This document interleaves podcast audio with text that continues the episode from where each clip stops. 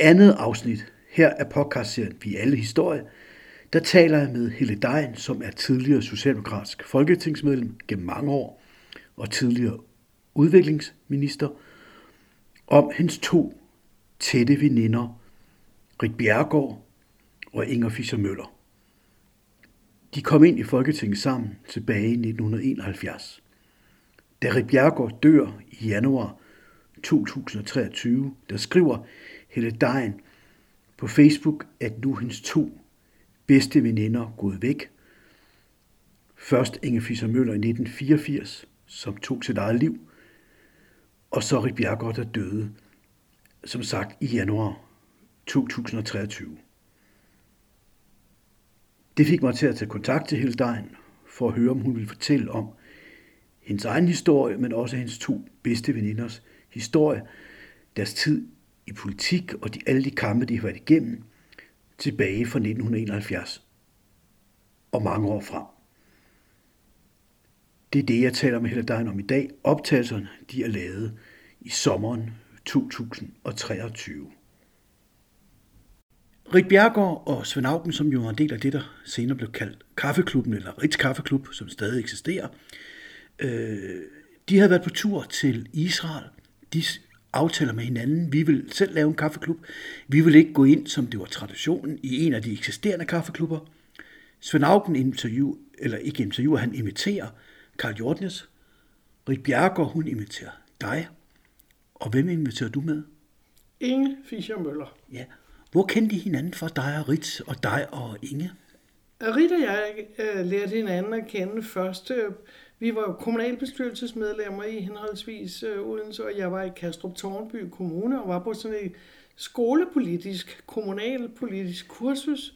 Og lige pludselig ser vi en tilsvarende med hestehale og øh, frisk ung kvinde, og det blev man lidt glad for, for ellers så var det ældre, øh, dagede mænd, der sad øh, alle de der steder. Så åh, det var dog dejligt. Der var en medsøster, og øh, vi finder hurtigt ud af, at vi må ses og høres ved og, og holde kontakten. Så det gør vi så. Øh, og øh, så er det, at øh, Rita Svend kommer hjem øh, fra Israel og bliver enige om, at øh, vi laver vores egen kaffeklub.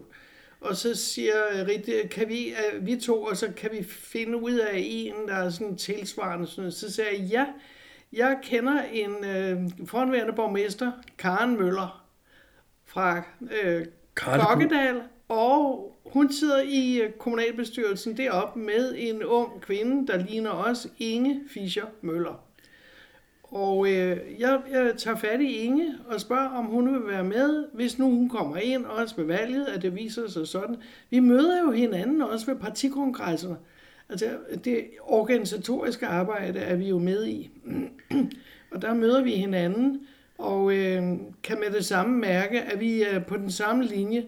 Der skal ske nogle forandringer. Vi er yngre, vi er veluddannede kvinder, og vi vil noget mere med velfærdsmodellen. Øh, den skal videreudvikles, sådan at kvinder kan få barselsårlov, så vi også kan få mændene med i barselsårlov og lige løn og abort, og der er mange ting, der forener os i det organisatoriske arbejde. Og jeg er glad for, at du startede med at nævne kongressen i 69, fordi der var, hørte jeg til en gruppe af Vestegns socialdemokrater som øh, synes, nu skulle der altså også organisatorisk ske noget. Vi, man måtte ikke have de dobbeltposter. Og vi ville også have de der personlige stemmer til at tælle med. Det skulle ikke bare være de gamle mænd, der satte sig på partilistestemmerne, og så kunne vi andre overhovedet ikke komme igennem systemet.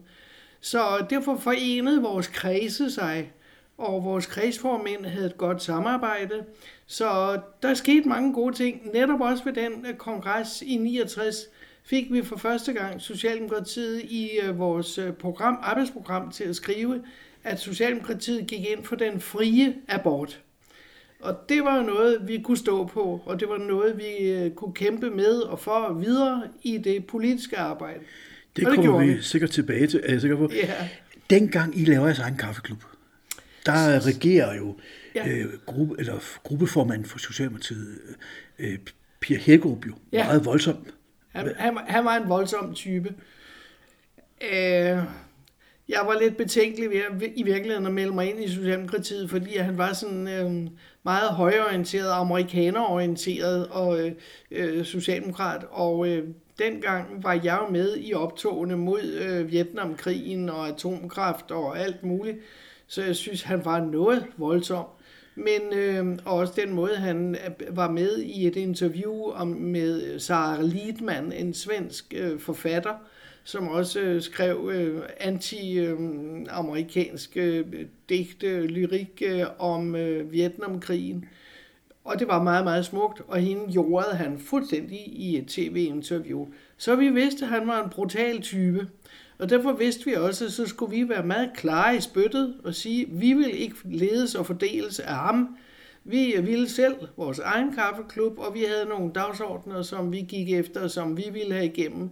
Og vi ville også have ledelsen, den organisatoriske ledelse i Socialdemokratiet. Vi ville også have en formand, vi ville også have en næstformand, og i det formandskab, der skulle være en kvinde.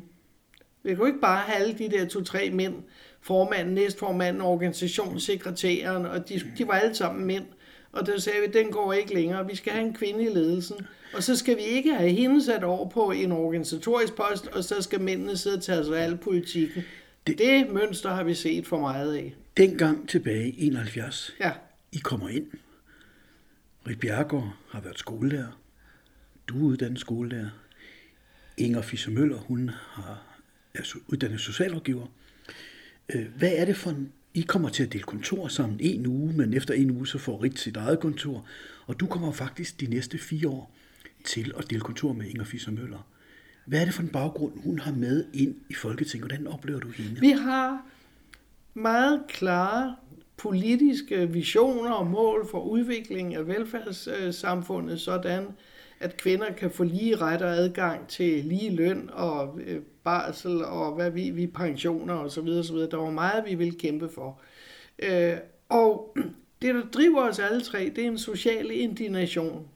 Du skal regne med, at vi er middelklasse kvinder, alle tre. Vi kommer ud af middelklasse. Øh, Rit mener jo, det er arbejderklasse. Hun kommer i øh, miljøer, og det vil sige, det har ikke stået nogen steder over vores vugger, at vi skulle ind og lave politik, eller vi skulle blive ministre, eller vi skulle noget som helst. Nej, og vi gik heller ikke efter det.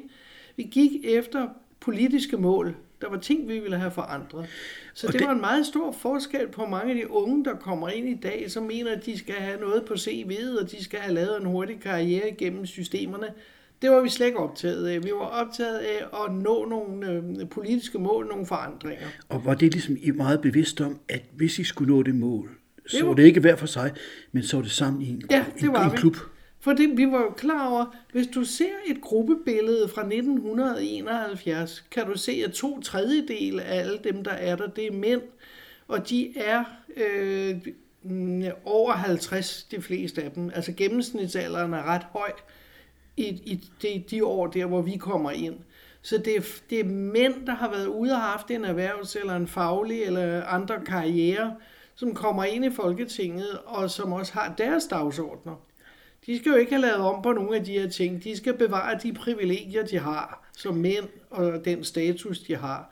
Men øh, der er vi andre altså øh, rundet af en anden generation, og øh, jeg vil sige, Inge og Rit var ikke 68'er, men jeg var typisk 68'er. Blågård Seminarium, og øh, der var meget, øh, jeg gik op i med det ungdomsoprør også. Så derfor, øh, Rit gik direkte efter at øh, forandre magten. Inge gik efter at lave nogle socialpolitiske reformer, altså Steinkes reformer fra 30'erne skulle justeres op. Altså socialreformer Ja. og sociale vilkår. Ja, ja netop. Ja. Og, og jeg var meget optaget af øh, kvindepolitiske mål, som jeg gerne ville nå, og så også uddannelse og udenrigspolitik. Det var de tre ting, jeg koncentrerede mig om. Så vi, vi, vi vidste hver især, hvad vi gerne ville, og vi gik efter det. Plus, at vi så også tilrettelagde vores arbejdsindsats, sådan at vi ikke overlappede hinanden, så vi I- ikke skulle have offentlige skænderier, fordi mændene i medierne og vores egne kollegaer, de ville elske, hvis de kunne få de der madammer til at slås lidt. Så gik tiden med det, og det ville være ret underholdende for dem. Vi var fuldstændig klar over den der medietaktik, som de ville lægge på os. og få os sat over en bås, at vi var bare sådan, ja, det løse, der sådan kom og gik. Det var ikke noget, man sådan kunne regne med. Så lavede I nogle klare aftaler om, hvordan I skulle arbejde hver især Ja. politisk? Prøv det var om fuldstændig klar over, fordi du skal regne med, at vi alle tre sidder i en kommunalbestyrelse. Og der er der ret barske lokale forhold. Mænd holdt sig ikke tilbage. Vi har her i de senere år læst og hørt om i medierne, hvad mandlige kollegaer har skrevet til unge kvinder. Altså, øh, MeToo-bevægelsen var ikke opfundet dengang, men vi fik øh, øh, nogle øh, ubehagelige kommentarer, indtil de prøvede at få et, øh, en øh, tomahawk lige mellem, midt imellem øjenbrynene, du. Men det altså, der med... når vi sag, sagde fra, og vi argumenterede, for det var det, vi gjorde. Vi gav ikke efter for det der øh, pjank. De ville gerne, de synes jo, vi var lækre. Det synes vi, det vidste vi godt. Altså, vi vidste godt, vi så godt ja. ud, og vi, og vi kunne få de mænd, vi ville have. Ja. Vi, vi, øh, vi, havde, vi var, hvad skal jeg sige, øh, gode på det der øh, ægteskabelige marked. Der, det vidste vi godt. Vi havde jo mænd og børn og alting, så, så vi kendte vores egen status. Men det der med, I øh, faktisk lægger en plan. Ja. Ja. I lægger en plan for, hvordan I hver især går efter nogle forskellige politiske poster. Ja. For ikke at træde hinanden over tæerne, hvis man ja. Ja. kan sige det på den måde. Fuldstændig. Det gjorde vi, og det var nødvendigt, fordi ellers så ville medierne spille os ud imod hinanden.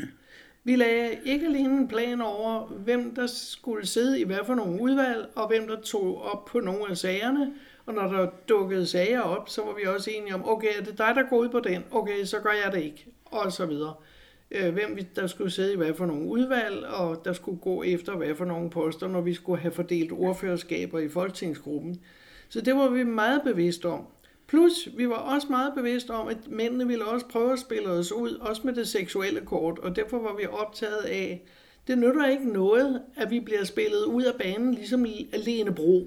Hun havde jo lige været der, før vi kom. Prøv at forklare, hvad var der med hende? Og det, det, hun blev spillet ud med det der kvindekort, at hun så bare æderlækker ud, og øh, gik og spillede på sin kvindelighed. Øh, Og kom i hotpants og, og kom i hele. hotpants, og, øh, og på den måde spillede de hende ud af den politiske bane. Altså, det var bare pynt og sjov. Det ville vi ikke finde os i. Så derfor sagde vi til hinanden, ingen nedringede bluser. Øh, fordi så er de kun optaget den der kavalergang. Det gider vi ikke. Altså, nu skal de høre efter, hvad der kommer ud af munden. Øh, og så øh, vil vi slås med dem på politiske argumenter. Og derfor så skulle man passe på, at man ikke, hvad skal jeg sige, blev øh, sidelined. Prøv at forklare det. I, på den måde, som Lene Bro var blevet det, fordi Ja. hun blev ikke taget alvorligt. Altså hun var der, og så var hun sådan lidt pin-up-agtig. Ja. Og det var også derfor, Rit meget hurtigt fik den overskrift for at prøve at manøvrere hende ud. Hun var Ankers pin-up. Vel var hun der ej, sikkert noget svineri, sexisme af værste skuffe. Øh, men øh, vi prøvede jo bare at blive ved med at sige, nu holder vi os til sagerne, og så tager vi slå, slåskampene med, med, med de mænd, vi skal tage på sagerne. Så sagde vi også til hinanden, det nytter ikke noget, hvis de der mænd lægger an på os. Så må jeg også afvise det, fordi måske i morgen eller en anden dag, så sidder du over for den samme mand, som prøver at lægge an på dig i en politisk forhandling, og han skal ikke have noget på dig. Du skal ikke have et svagt punkt, som øh, så, kan der, så kan der sådan laves lidt øh, fifleri med det. Ikke tale om. Lad så de- vi de havde på vores mænd derhjemme, og vi havde også aftaler med vores mænd derhjemme. Ikke så firkantet som Rit øh, og Søren, men, øh, men vi, vi vidste jo godt, og vores mænd vidste godt, øh, at det kan ikke undgås andet end, der, der kommer en lille flørt i ny og næ. Så når du henviser til Rit Bjerregaard, så mener du, at hun levede og Søren levede i et åbent ægteskab, kunne man sige. Ja, de levede i et fuldstændig åbent ægteskab. Sådan var øh, Inge Fischers og, øh, og Stigs ægteskab ikke. Det var et meget traditionelt, klassisk ægteskab. Og mit ægteskab med min mand Peter, øh, jeg er rigtig 68, så jeg skulle jo ikke giftes, så han blev jo bare min partner. Men min partner og jeg havde den aftale, vi mødte hinanden, da jeg var 15 og han var 19. Så hvis vi skulle igennem en hel tilværelse, uden at, øh, der kunne være en lille fløjt i ny og næ, det kom vi jo ikke helt igennem. Så vi var klar over, at øh, han var med i boligbevægelser, han var arkitekt, øh, boligbevægelser og højskolebevægelser og alt muligt. Og, og jeg var jo også ude på banen hele tiden. Så det kunne ikke undgås andet, end der ville komme en lille flørt øh, hen over tilværelsen. Var der og, kolleger, der lagde an på jer, som du siger? Ja, ja, ja. ja, ja, ja. Øh, og øh, det kan jeg bekræfte.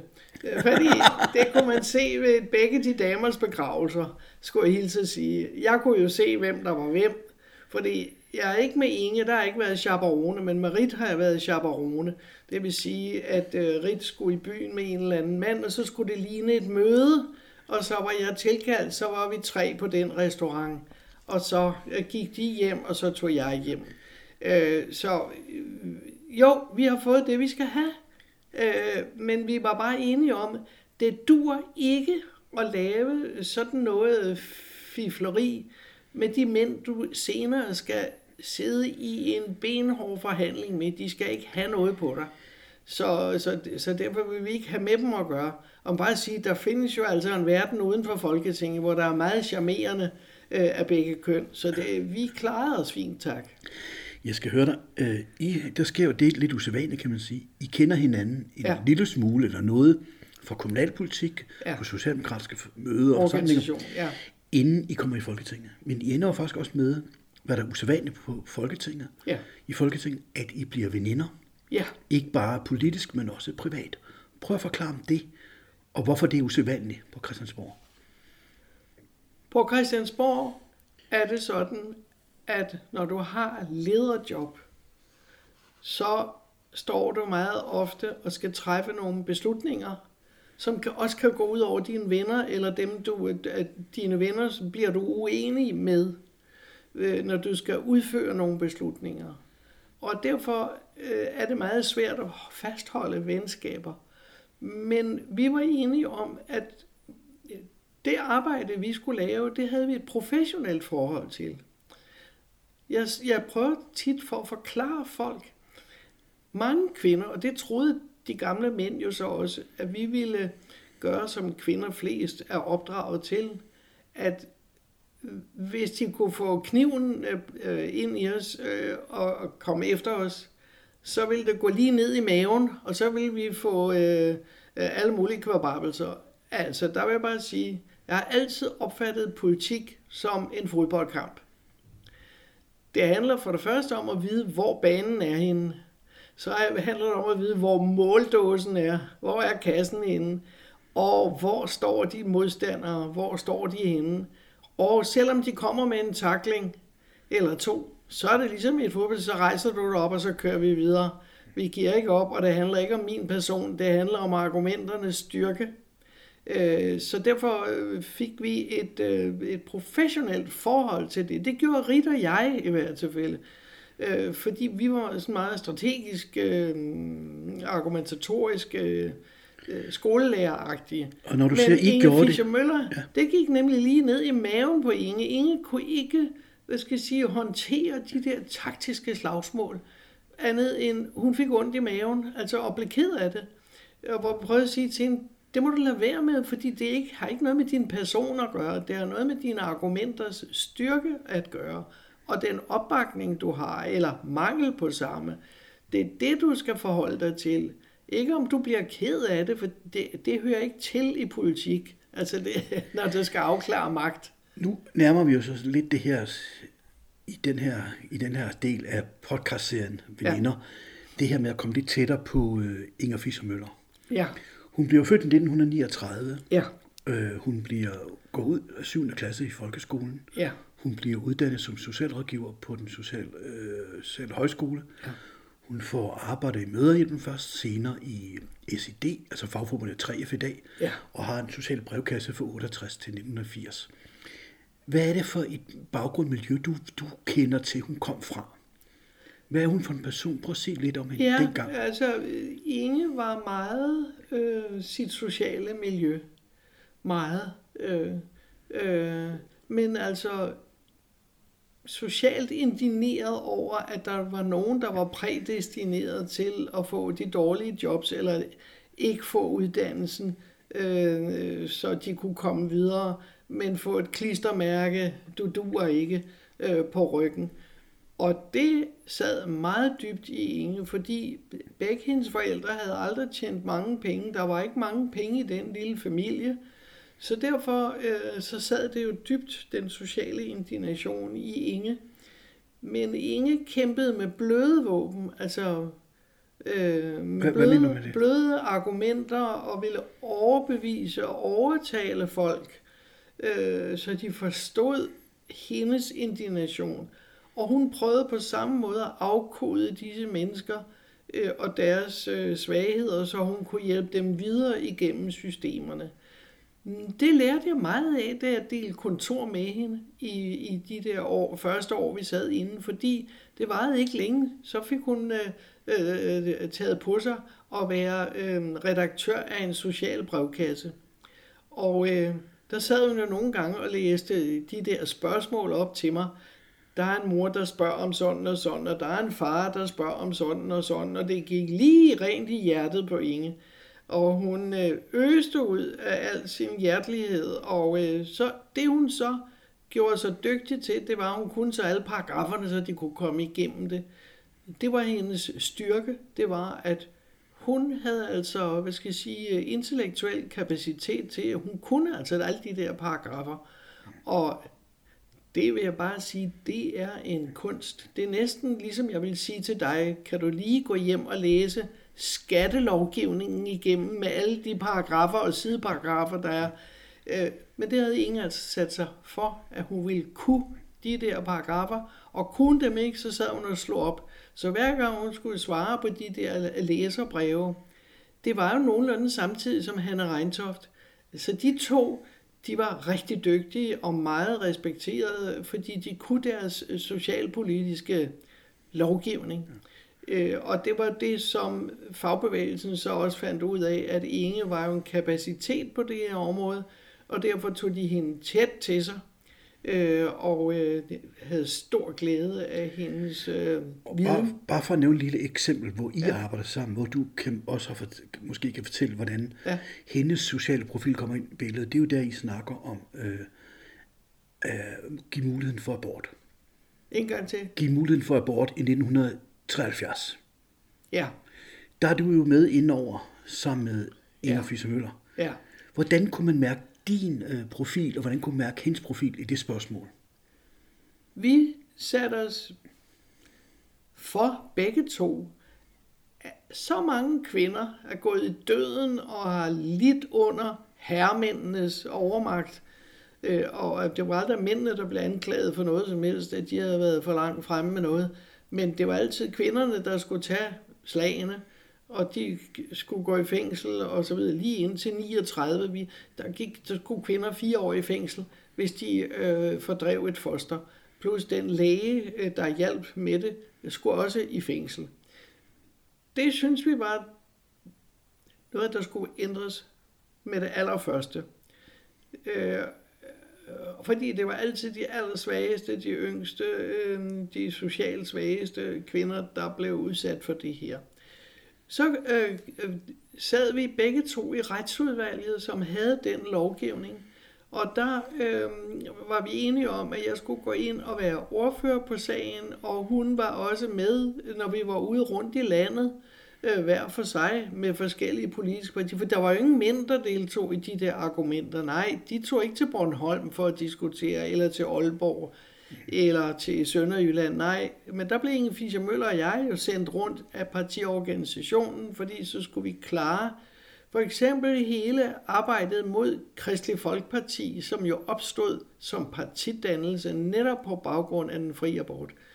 Øh, og de havde alt muligt propagandamateriale og argumenter, fuldstændig så skingre og redselsfulde, som du hører dem stadigvæk over i sydstaterne i USA religiøst øh, funderet, og, det var, og de kom med store plancher og videofilm og alt muligt, som de fik. Øh, Inge Krog, det var en af Kristelig Folkepartis øh, kandidater, og det var hende, der var ordfører på stoffet. Så, så vi har været, både Inge og jeg, på diverse rundture rundt i, i landet, for både på universiteter og seminarier, øh, arbejderhøjskoler, hvad der var, af debatforum, der var vi. øh, og køre den argumentation. Så det var, øh, og, og, og der blev vi enige om, at vi måtte fordele det lidt imellem os, og der var det så mig, der skulle være ordfører. Det var jeg så, lige indtil loven den skulle behandles. Så, fordi man fandt ud af i Folketinget, at man ville frit stille Folketingets medlemmer, så man måtte stemme efter etisk, moralsk overbevisning og ikke efter partilinje, så blev Anker bange for, at vi ikke fik flertallet. Og så sagde han, nu ville han foreslå af taktiske grunde, at Helle hun blev udskiftet med øh, en præst, en mandlig præst, Falbe Hansen, som øh, var præst på Frederiksberg. Sådan en midalderne mand øh, med stort rødt skæg og stor mave og seler. Og, og han ville virke mere overbevisende på dem, som man skulle være sikker på, man, man kunne få overbevist. Og der var ingen i gruppen, der gjorde noget anskrig. Øh, det, det accepterede gruppen bare, at sådan var det. Så det var en, en, sådan en chokerende oplevelse faktisk, at få frataget sit ordførerskab af taktiske grunde, fordi en mand vejede tungere. Heldigvis vandt vi afstemningen med 95 stemmer, der stemte for den frie abort i Danmark. Og så var der øh, 57, tror jeg, imod. Jeg kan ikke sagt det tal, kan jeg ikke lige huske udenad. Men det er jo sådan på det lav. Og, øh, og vi havde også øh, i vores gruppe 17 medlemmer, som ikke ville stemme for den frie abort. Så i alle partigrupper var der for og imod, og nogen undlader, og en blev væk fra Folketinget øh, den dag, hvor man skulle stemme om den frie abort. For at komme tilbage lidt til Inger Fisse ja. Møller, så øh, siger du, hun var, hun var en, der... Du sidder på kontor med hende. Du kommer til at kende hende godt. Ja. Vi det kan man jo ikke undgå. Vi hinanden meget godt, ja. ja. Hvordan var hun som person ud, at du siger, hun er en, der læser ind i andre menneskers situation? Hun var meget øh, genert øh, og blodfærdig øh, kvinde. Øh, hun var også en meget generøst menneske. Hun ville øh, hjælpe alle, men døgnets 24 timer rakte jo slet ikke til. Øh, så hun blev slidt, slidt, slidt på.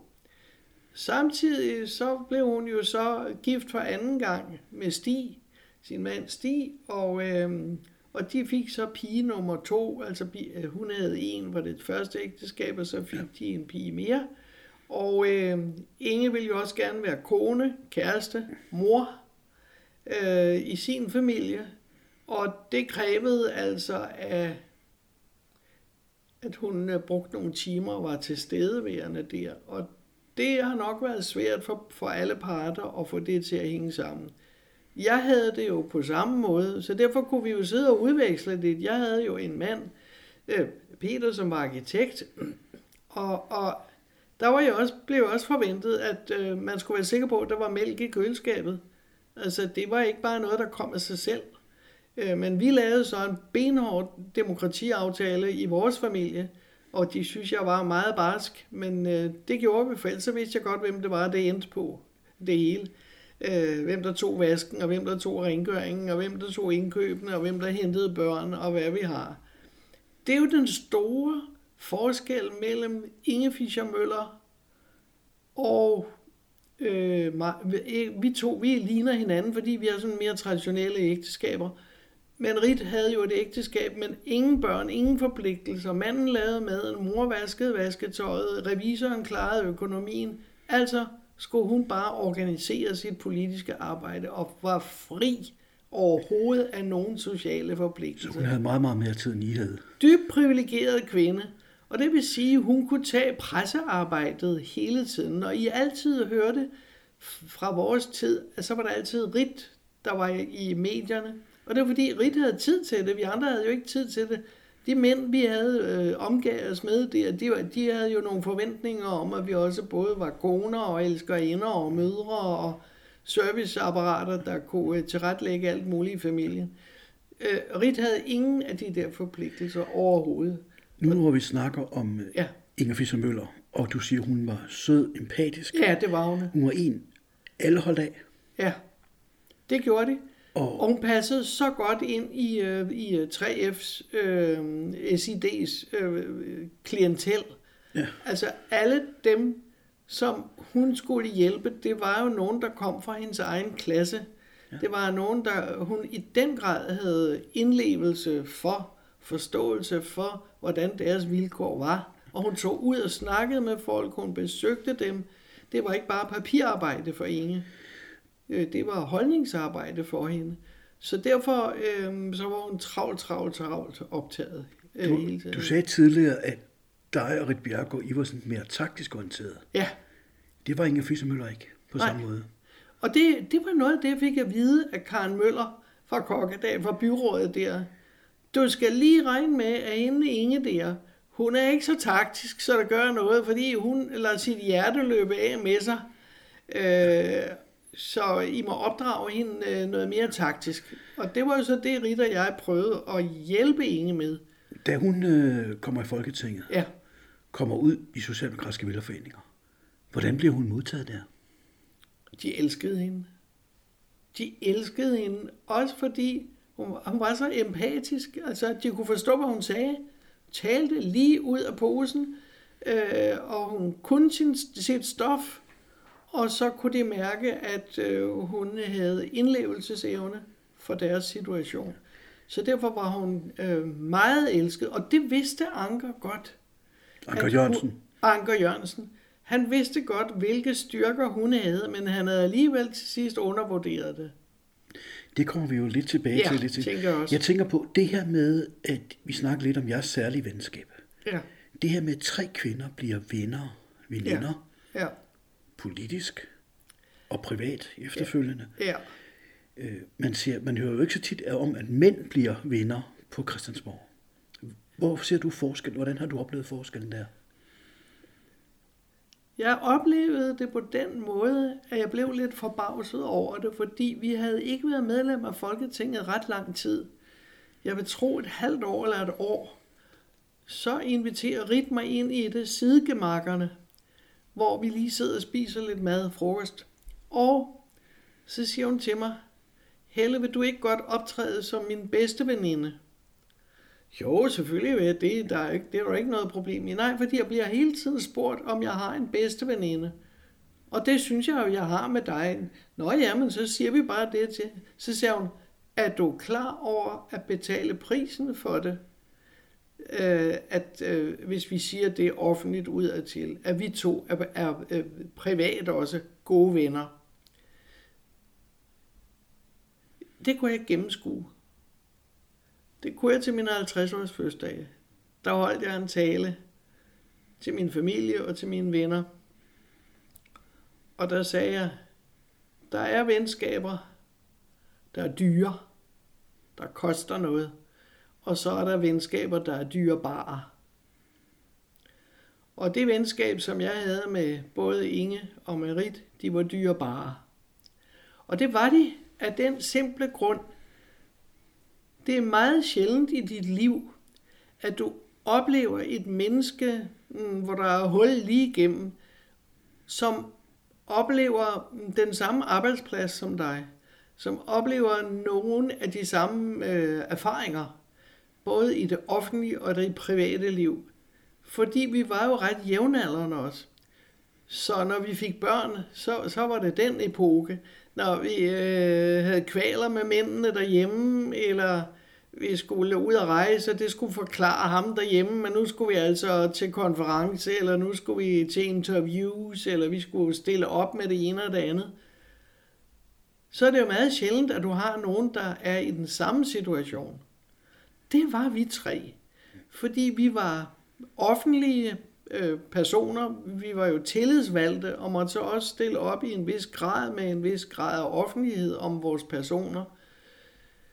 Og netop fordi vi var nogle af de første kvinder, var der meget stor efterspørgsel på, at kvinder ville gerne kunne identificere sig med os, for det kunne de ikke med, det, det kunne de ikke med Per Hækkerup. Altså det kunne de ikke med Henry Grønbaum, Orla Møller og hvad vi har. Det kunne mændene identificere sig med.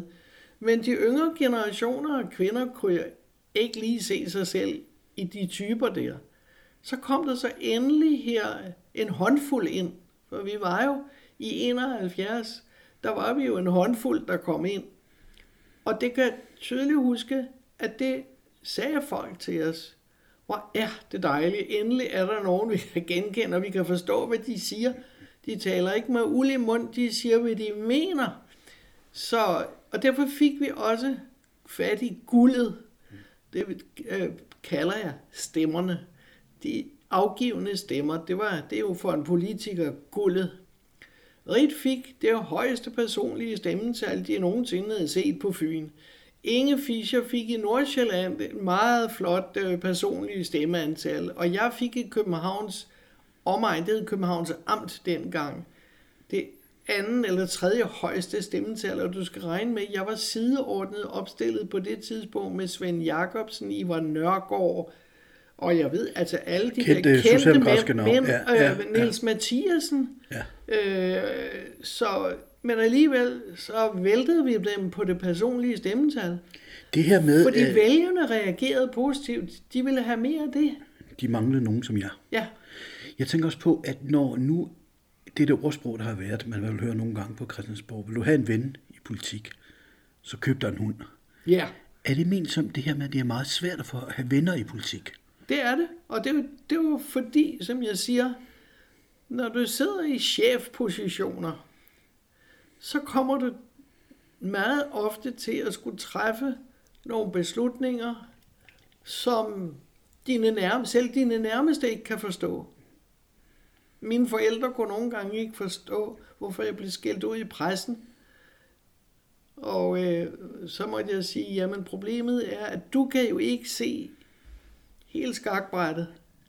Det er det, jeg er opdraget til igennem min politiske skoling, og skulle kunne se skakbrættet, og jeg skulle kunne se, hvor brækkerne står, altså hvor står de andre partier, og så se, hvor er det lige, du kan få øh, en, en, øh, op, se en revne og få en, en, et hug igennem, så du kan få gennemført øh, dine argumenter. Du har sagt tidligere, at øh, dig og Rit Bjergård, Ja. I bliver opfattet øh, som nogen sådan, øh, som modstand, farlige modstander Ja, af andre. ja, Øh, hvorimod Inger Fischer Møller blev, blev ikke opfattet på samme måde. nej. Prøv at forklare forskellen og hvad der lå i det. Eller ligger i det.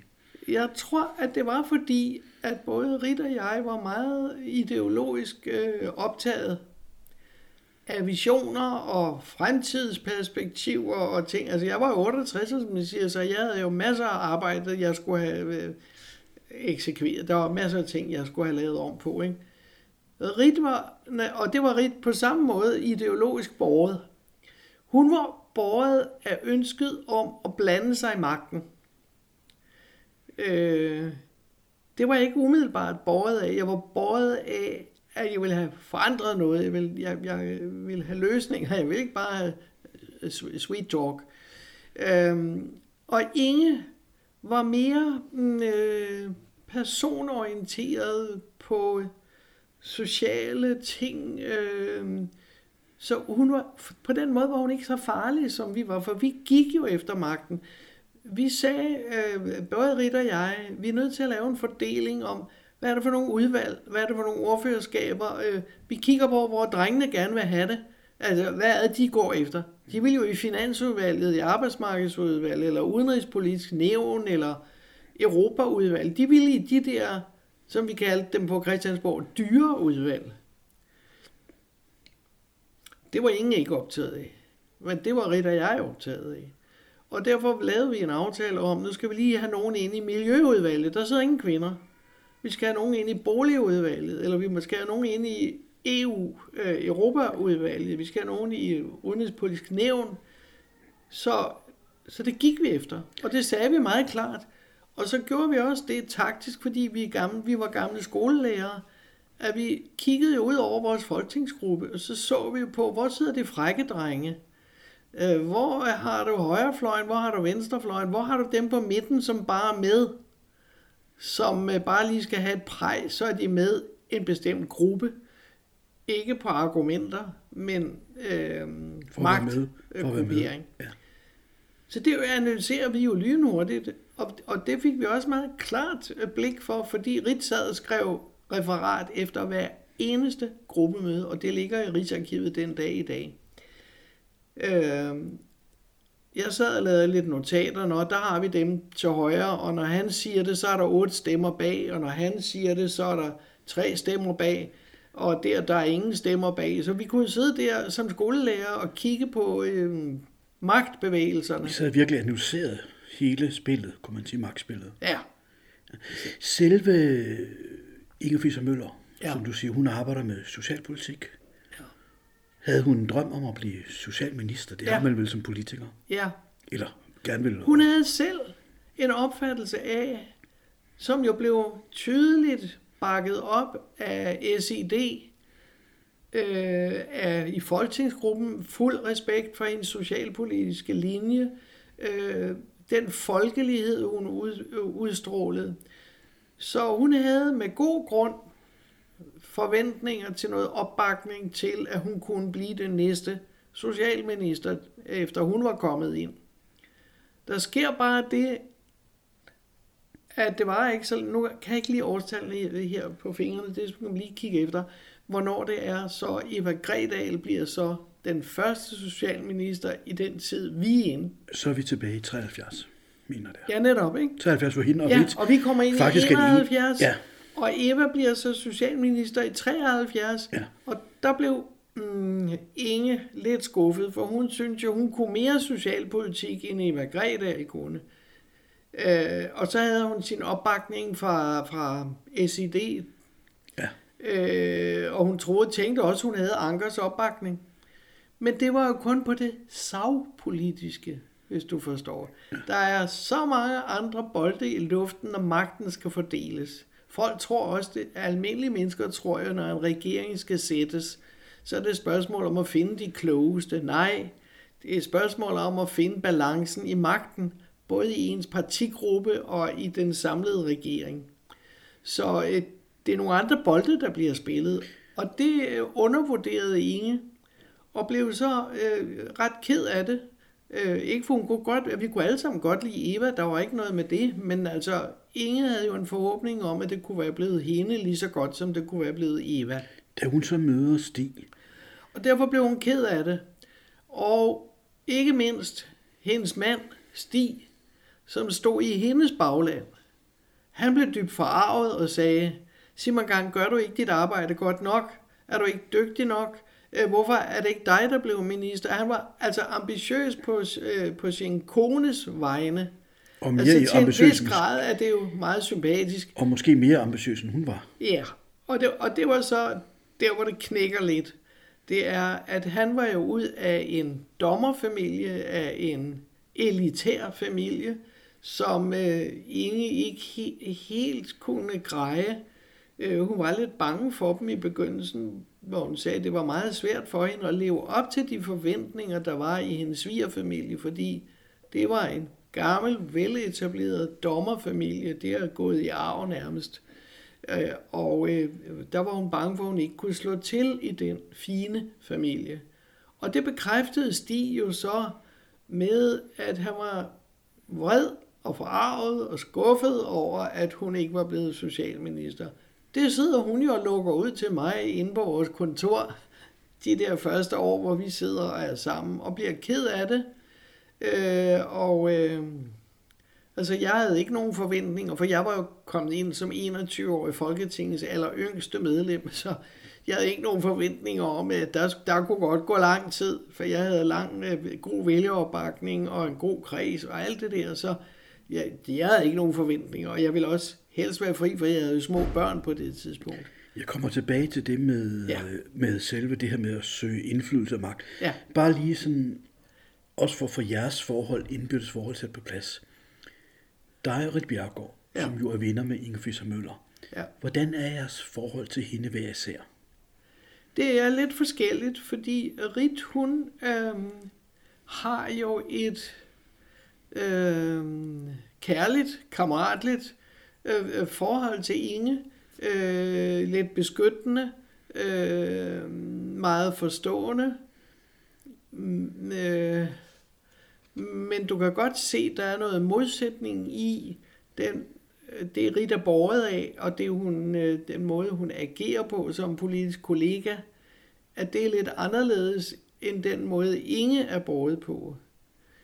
Og, og, og, og, og som jeg siger, at Inge stod jo med sit andet ægteskab og børn og alting. Der var, som jeg kalder det, baglandsforventninger til Inge, som der slet ikke var til Rit. Og dem kunne Inge Fischer Møller og jeg dele, men det kunne Rite ikke. Hun susede bare afsted ud af, fordi hun havde friheden til det.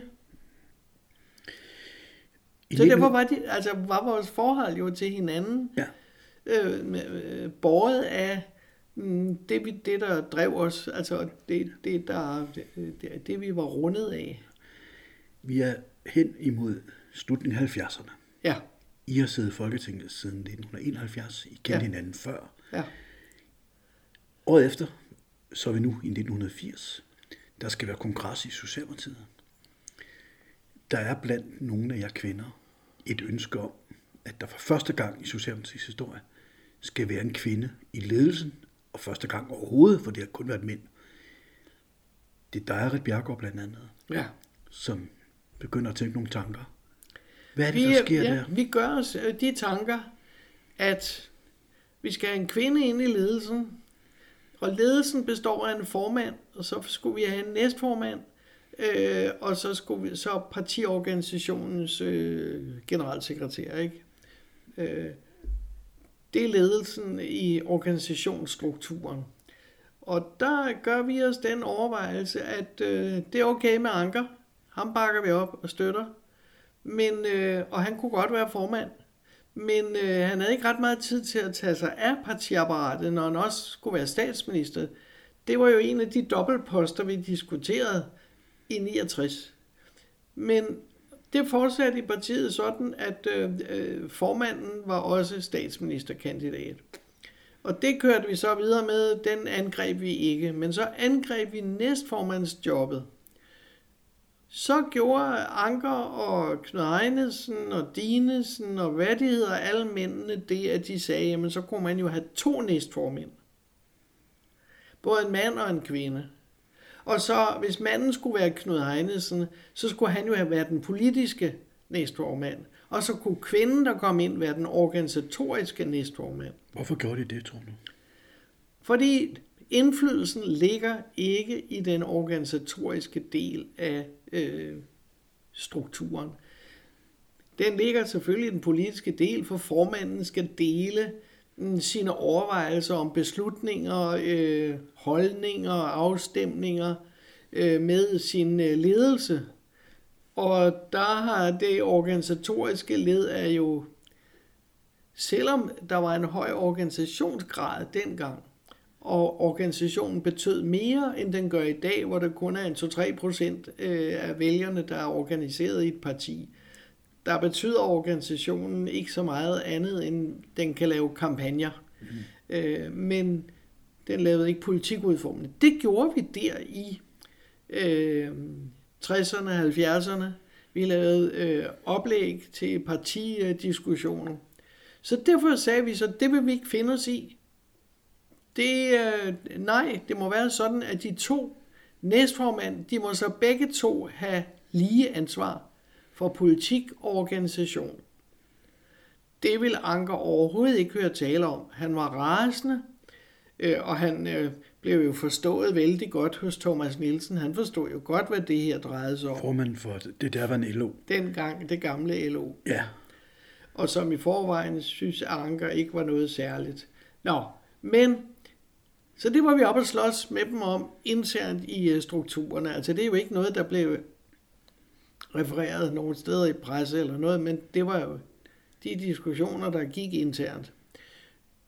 Så øh, gjorde vi det, at vi sagde, at øh, vi, vi kommer med en kandidat, men øh, det er på lige vilkår. Og så sagde Anker, okay, så kommer jeg også med en kvindelig kandidat. Og så kan I bide spids på den. Og øh, så kom han, Anker, med Jytte Andersen som sin næstformandskandidat. Som var kommet ind i Folketinget i 1979. Hun var øh, husmor fra Glostrup og var lige kommet ind i øh, hovedbestyrelsen, og derefter var hun lige kommet ind i Folketinget, ja. og nu kunne hun så bruges som Ankers kandidat. Og hvem var jeres kandidat? Og øh, så stillede vi op med Inge Fischer Møller. Og kongressen tog så flot imod Inge Fischer Møller, at kongressen besluttede sig for, at man ville have Inge Fischer Møller. Hun susede lige ind med massevis af stemmer, og Jytte Andersen, hun fik altså mindre end halvdelen, tror jeg, af stemmer. Jeg, jeg kan ikke de der tal Nej, nej. udenad. Men en klar sejr til Inge Fischer Men øh, meget klar sejr fra kongressen. En besked til Anker. Her, kammerat. Så medlemmerne af Socialdemokratiet ude i landet for Ja. vælgerforeninger, De, de valgte Inge. Og øh, den måtte Anker, Knud Ejnesen og øh, Ejner Hårgaard Christiansen, som var øh, Partisekretæren, ja. partisekretær på det tidspunkt, der må de bide spids på den, at jeg havde tabt den. Det gjorde de så på den måde. De faktisk totalt isolerede hende, altså Inge Fischer Møller. hvordan på den måde, at hun blev flyttet, så hun ikke sad for tæt på formandens kontor. Så hun ikke så, hvad formandens arbejdsopgaver var, hvad hans kalender var, hvad hans rejser var, hvad hans papirer var, hvad hans politiske beslutninger gik ud på. Det var sådan, at hun blev øh, flyttet fysisk, altså væk fra formandens kontor, øh, og så sad Knud Heinesen ved siden af formanden. Så han fik fuldstændig sammenlignelige informationer, men Inge fik dem bare ikke. hvordan reagerede hun på det? Det reagerede Inge på den måde, og hun blev, som jeg har sagt før, hun bliver ked af det. Og så er hun klar over, at hvis hun skal overleve i den organisation, så må hun have noget støtte. Derfor sammenkalder hun så en kvindegruppe. Jo, vi stillede jo også med en alternativ kandidat til partisekretæren. Socialdemokratiet har aldrig haft en kvindelig partisekretær. Aldrig. Derfor stillede vi jo også forslag om, at den, det job vil vi også have. Vi vil også prøve at have en kvindelig partisekretær. Så, øh, så der stillede vi op med øh, øh, Inge, Inge øh, Næsgaard. Op fra Aalborg, som havde været socialborgmester deroppe og havde kommunal erfaring og organisatorisk erfaring, meget ofte været ordstyr på kongresser, var velkendt af ja. strukturen.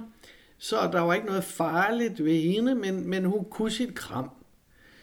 Øh, og den, øh, den vandt de så. Den tabte vi. Vi fik ikke øh, ingen Nisgaard valgt. Men vi fik prøvet kræfterne, og vi fik taget nogle af de magtkampe.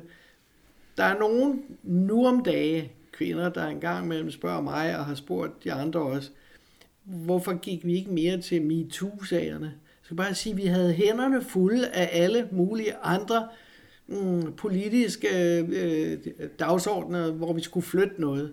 Det her, det var en af dem. Vi skulle flytte poli- Socialdemokratiets politiske ledelse, så den blev mere demokratisk. I får i hvert fald så den her næstformandspost, hvor Så- at Inge Fischer Møller kommer til at skulle, i virkeligheden skulle lave meget af det organisatoriske, fordi det politiske ja. bliver hun holdt væk fra. Hun, hun blev holdt væk fra det, og, øh, og det gik ind på, vi lavede så nogle øh, support, en supportgruppe, øh, hvor, vi, øh, hvor hun forklarede, hvad var problemet, øh, hvad var det for nogle møder, hvad var det med kalender, hvad var det med økonomien, hvad var det med organisationen og så videre. Hun satte os ind i, hvad det var for nogle spørgsmål, hun var blevet stillet overfor. Og så hjalp vi hende med at tygge det der igennem og sige, hvad hun skulle spille ud med. Men hun var jo hele tiden i mindretal.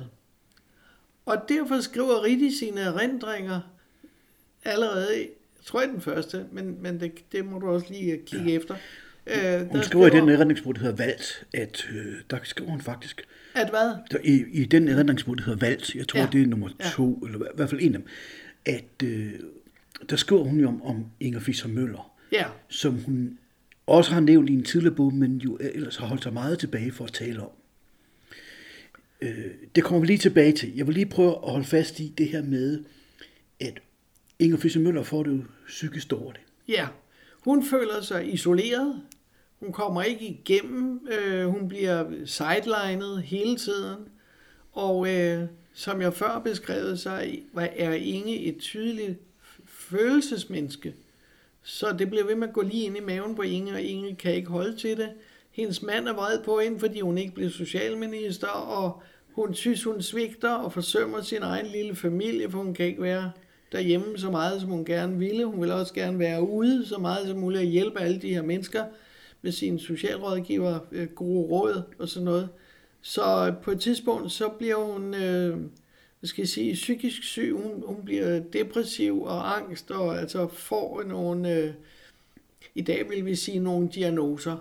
Og får også noget medicin for det, ikke? Og, og derfor så skal hun så have noget medicin for det. Og øh, det får hun så. Der går så alle mulige rygter om Inge Fischers sygdom. Øh, nogen mener, at øh, hun øh, går og ser svimmel ud, og det er jo fordi, hun er begyndt at drikke. Det havde overhovedet ikke noget på sig, men det havde noget med den depressions- og angstmedicin, hun fik. Der tabte hun balance. Og, og derfor begynder så rygterne om, at så kommer hun ikke til møderne, eller så øh, er hun svimmel og øh, aflyser og så videre. Så begynder man jo i organisationen at, at, at spore nogle svagheder. Og det, gør mod, det går modstanderen jo altid efter. Og øh, der øh, sagde både Anker og Rita og jeg, vi sagde, skal du ikke tage noget sygeoverlov, altså, og så kom tilbage, når du sådan ligesom er kommet der øh, igennem det. Det havde hun ikke selv en oplevelse af, at man sådan lige kunne blive medicineret ud af sine psykiske problemer, fordi det var jo også sociale problemer med familien. Det her med... Hvor hun ikke var øh, ragte til. Det her med, at hun, øh, at hun har det psykisk dårligt, det opdager Anker jo også på et tidspunkt. Ja. Hvad sker der der? Anker kommer så både øh, individuelt øh, til Rit og spørger, hvad skal vi gøre med Inge? Hvad er det, der er galt med hende? Prøv at forklare mig det. Og spørger dig også. Og senere så kommer han til mig og spørger ja. mig, hvad gør vi med Inge? Du er også bedste veninde med Inge. Hvad gør vi? Og øh, Rit øh, siger, at hun skal nok snakke med Stig, og hun skal nok snakke med Inge, og snakke med læge, og, og sådan nogle ting. Altså, Rit griber det an medicinsk. Altså, øh, er der noget, hun kan gøre for at hjælpe Inge mh, til at komme på fod igen? Og jeg siger til Anker, jeg mener, at Inge er der, at hun skal sygemeldes. Jeg mener, at hun, hun er der, hvor hun skal indlægges og have en, øh, en, en, en mere dybgående behandling. Men jeg er også nødt til at sige til Anker, man kan ikke bede bedsteveninderne om, at det er os, der skal ske til lægen, at hun skal tvangsindlægges. Det må være familien. Det nærmeste må være hendes ægtefælle. Så det må ligesom, det kan ikke bare være arbejdspladsen, der skal øh, udløse sådan noget. For i virkeligheden så burde det jo være Anker, der snakkede med Stig øh, og familien om, hvad gør vi? Arbejdspladsen kan se, hun får det dårligt, og det bliver dårligere, hun får det dårligere og dårligere. Men på det tidspunkt, der er Inge og Stig så også ved at arbejde sig væk fra hinanden i deres øh, ægteskab, og Inge kommer til mig og siger på kontoret, at nu har vi indledt en skilsmisseprocedure. Så hvad de andre ikke ved, det er også midt i det her med, at hun bliver holdt ja. udenfor, arbejdsplads, lokalt arbejdspladsmobning, eller hvad kan vi kalde det? Altså både socialt derhjemme, hun har det ikke godt på vej ud i ægteskab, og på arbejdspladsen, der bliver hun mobbet af ledelsen. Ja, så altså det er, man kunne se, at det, det, kunne ikke, det kunne ikke lykkes sådan bare umiddelbart. Der skulle gribes øh, lidt mere voldsomt. Øh, så sker ind. der det i 1983, at hun stopper som øh, næstformand. Ja. Hun oplever samtidig at hun har det dårligt. Hun kommer ud for en brandulykke. Hun øh, er jo godt klar over, hvad det er, der hvad skal jeg sige, accelererer hendes øh, sygdom. Det er jo det, at hun bliver sidelined.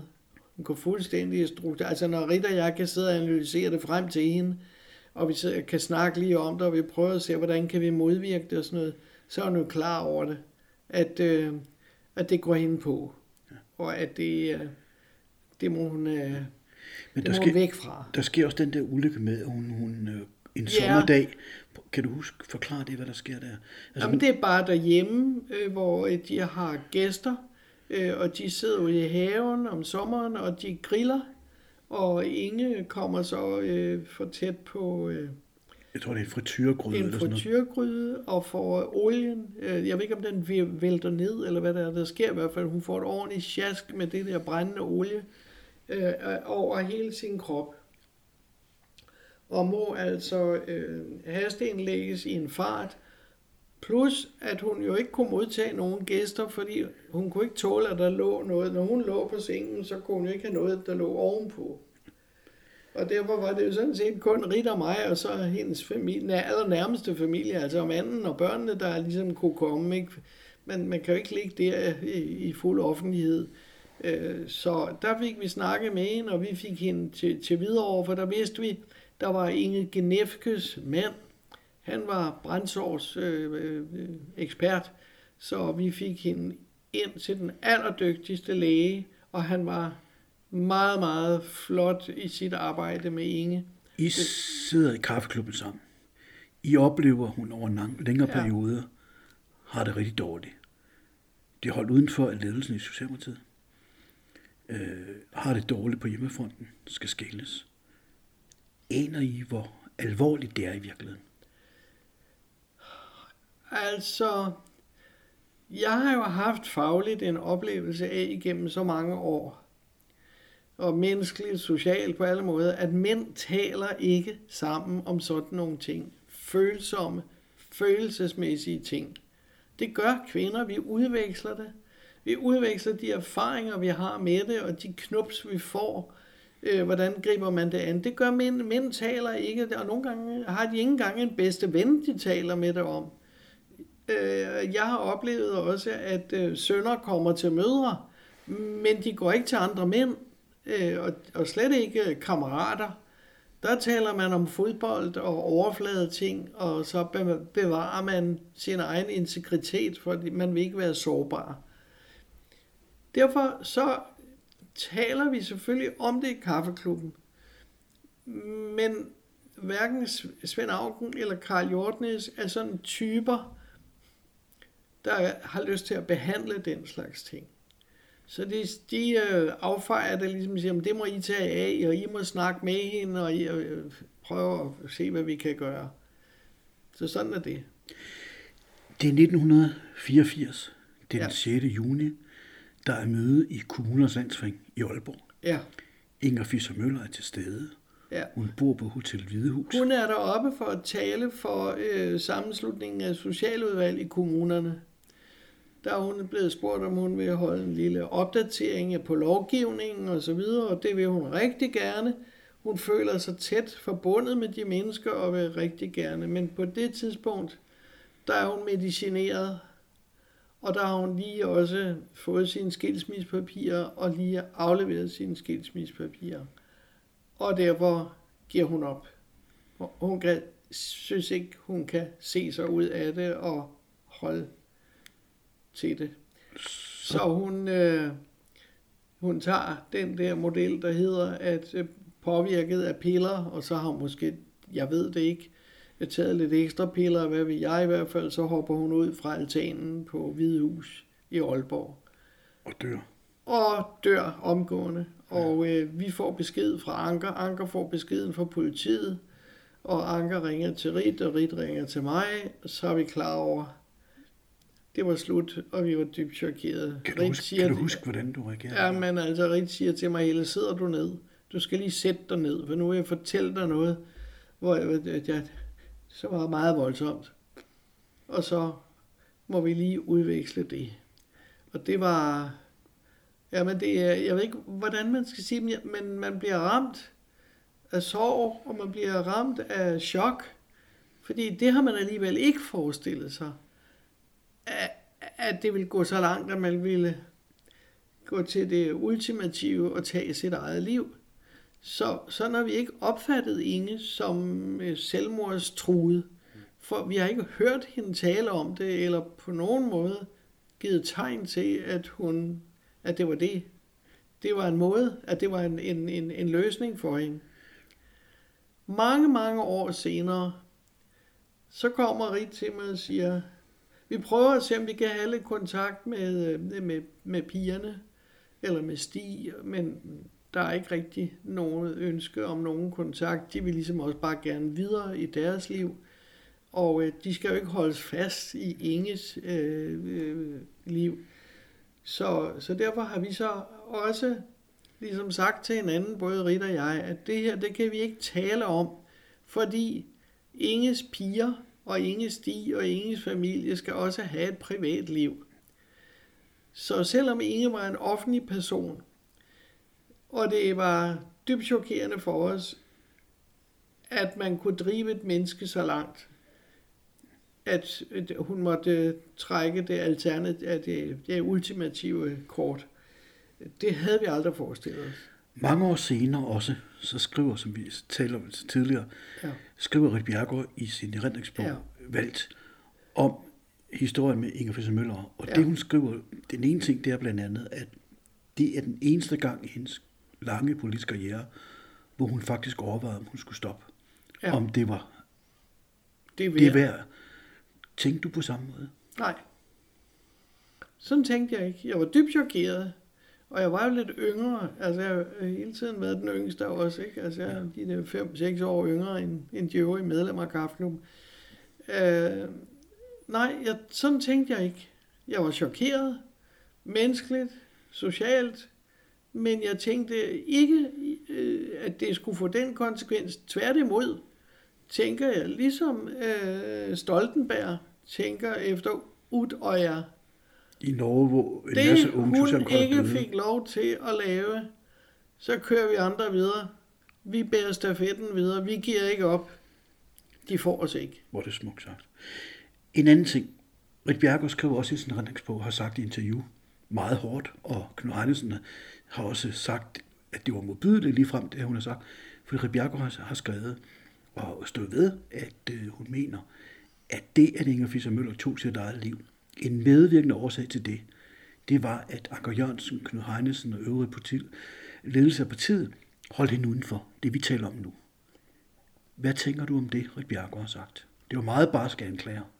Jeg er helt enig jeg har stået op offentligt og erklæret, at jeg er helt enig, at de var medansvarlige til, øh, mm, hvad skal jeg sige, øh, at ødelægge øh, Inge Fischer Møllers øh, kampgejst, øh, øh, drømme, øh, idealer, hendes arbejdsglæde. Øh, så de må, de må tage den del af ansvaret på sig. Så du mener, at de har et medansvar i hvert fald? De er direkte medansvarlige for, at øh, hun blev holdt ude, og hun blev isoleret, og øh, øh, hvad skal jeg sige, på alle måder øh, øh, chikaneret. Og det må, de, øh, det må de tage på sig. Og det vil de selvfølgelig ikke. Så har jeg fået senere, øh, hvor jeg går ind og forsvarer Rits argumentation, da hendes dagbog bliver offentliggjort. Der kom så en af Inge Fischer Møllers, hvad skal jeg sige, medkombatanter. Et folketingsmedlem, som hedder Erik B. Schmidt. Han var også social øh, på den sociale højskole, var rektor der senere. Og han var også fuldt meget med i socialpolitik. Han var også socialpolitisk ordfører. Ja. Og han gik efter jobbet. Så han jagtede jo, øh, hvad skal man sige, øh, det samme potentiale for indflydelse, som Inge Fischer Møller gjorde. Han gik så op imod mig øh, offentligt på Facebook og sagde, at han var nu ikke øh, konkurrent til Inge. Så siger han, at det kan godt være, Erik B. Schmidt, at du ikke synes det, men det synes Inge, du var. Så der er jo mange, hvad skal jeg sige, øh, øh, meninger i spil i sådan en situation. Da hun bliver begravet, der kan jeg huske, at jeg læser i pressen, at hendes mand Stig er meget, meget vred over det her, og faktisk også øh, følte, at det var partiets ja. skyld. Ja. Og han, øh, altså hele det her med, at partiet skulle være med ved begravelsen, og også måske vil blande sig i arrangeringen af det. Husker du det? Husker jeg meget tydeligt, fordi det var en chokerende oplevelse jeg vidste fra Rit, at øhm, Stig havde sat sig imod, at partiorganisationen ville organisere Inges øh, begravelse. Og Stig sagde, at det skulle han nok selv gøre. Det var et privat anlæggende. Og han ville i hvert fald ikke have partiets ledelse, daværende ledelse til at gøre det. Og det er jo fordi Stig har den samme opfattelse som Rit og jeg, at der er altså nogen, der sidder her med snavsede hænder øh, og har været medvirkende årsag til, at det er kommet så vidt. Øh, og derfor insisterer Stig på, at det er et privat anlæggende. Ligesom Rit også til sin begravelse insisterer på, at det er et privat anlæggende, og hun skal nok selv tilrettelægge det, men hun er glad for, at partiorganisationen går med ind og støtter op om organiseringen af det. Men det er et privat anlæggende, som hun selv tilrettelægger, og det samme gør Stig, der vi sidder med Inge Fischer Møllers begravelse. Og der er det meget tydeligt at se, at Stig ønskede, da vi sad i kirken, at Stig og familien sad på den ene side helt op ved kisten, og over på den anden side sad kaffeklubben. Der var så partiledelsen møg sure og vrede over, at de altså sad 4-5 rækker nede bagved. Anker, Knud Heinesen og øh, Ejner Hårgaard Christiansen og hvad de hed, alle dem, som hun havde slidt og kæmpet med og mod. Altså, øh, de sad så øh, længere nede, og længere nede igen kunne både Ritter og jeg jo genkende Inges venner. Både de private, de meget private og de meget lidt private venner, de mere offentlige venner. Ikke? Altså, det er jo det, der er det fascinerende ved at gå nu til en, en bedste vens begravelse, det er, at du ser, hvor, hvor mange facetter et menneske har. Hvor mange forskellige typer af mennesker, man er omgivet af. Og det så vi jo også til Inges begravelse.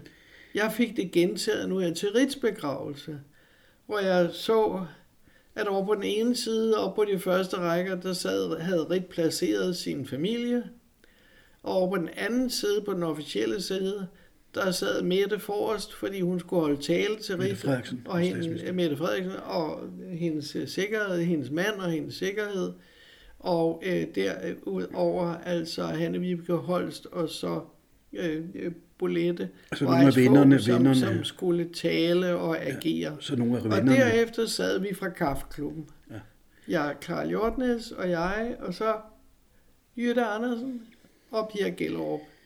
Og bagefter, længere nede i rækkerne, der sad jo The Golden for, altså der sad jo alle dem, hun havde kæmpet med. Poul Lyrup Rasmussen, Poul Lyrup Rasmussen, Lykketoft og, og Jytte Hilden og alle dem der, øh, ja. hendes øh, også gode venner. Ja. Men hun havde selv lavet den planlægning, så der var navn på hvert et sæde.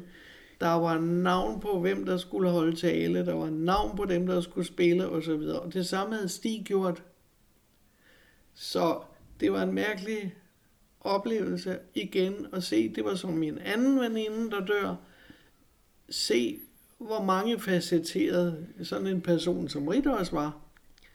Alle de, de mennesker, hun var omgivet af, alle de sager, hun havde involveret sig i. Øh, da de dør, da Rit Bjergård dør, ja. Der ser, så, jeg, der øh, ser jeg mængden. Ja, der øh, skriver du også på Facebook efterfølgende, sætter ja. et billede op af både Inger Fischer Møller og Bjergård, ja. og skriver, og det er baggrund, blandt andet derfor vi taler sammen nu, ja. at du skriver, at mine to bedste veninder er døde. Ja. Hvordan er det? Det er chokerende. For ja, vi havde alle tre håbet, da vi startede i 71, at vi ville få mange spændende år sammen. Og derfor er det meget trist at være den sidste. Jeg kan huske, min gamle svigerfar, han blev 94. Han var sneker, møbelsneker øh, og redaktør af Snekerforbundets blad, da det eksisterede. Han sagde, det er ikke svært at blive gammel, men det er svært at miste sin referenceramme. Alle dem, du har oplevet alting med, alle dem, der forstår, hvad du siger – de er væk. Og det er det, jeg begynder at tabe nu. Alle mine, øh, alle mine bedste venner og veninder, de er ved at forsvinde. De offentlige personer, de private personer, de er ved at forsvinde, og det er det, der gør ondt i livet. Det er, når man efterhånden bliver alene. Det med, at øh, Inger Fischer Møller døde i den 6. juni 1984. Efter hendes begravelse, efter hende, så er det ligesom, og den tid, der er gået, så er det ligesom, hun nærmest er gået i glemmebogen, er skrevet ud af partihistorien i Socialdemokratiet. I hvert fald hos, de, hos mange. I hvert fald ikke, hun er ikke, en, det er ikke en, man har talt om. Hvorfor tror du det Derfor er så? skriver Rit netop det, Ja. at hun er ligesom skrevet ud af historien, og det er jo selvfølgelig fordi de ledende mænd, de kunne ikke have noget med den historie at gøre. Øh, Der var alt for meget føleri og følelser og alt muligt i. Øh, øh, Jeg ved ikke lige, hvordan jeg skal sige det, men kvinder oplever, at historien, historiebøgerne, historien skrives af, med og for mænd. Kvinder er altid bare en parentes i deres historieopfattelse.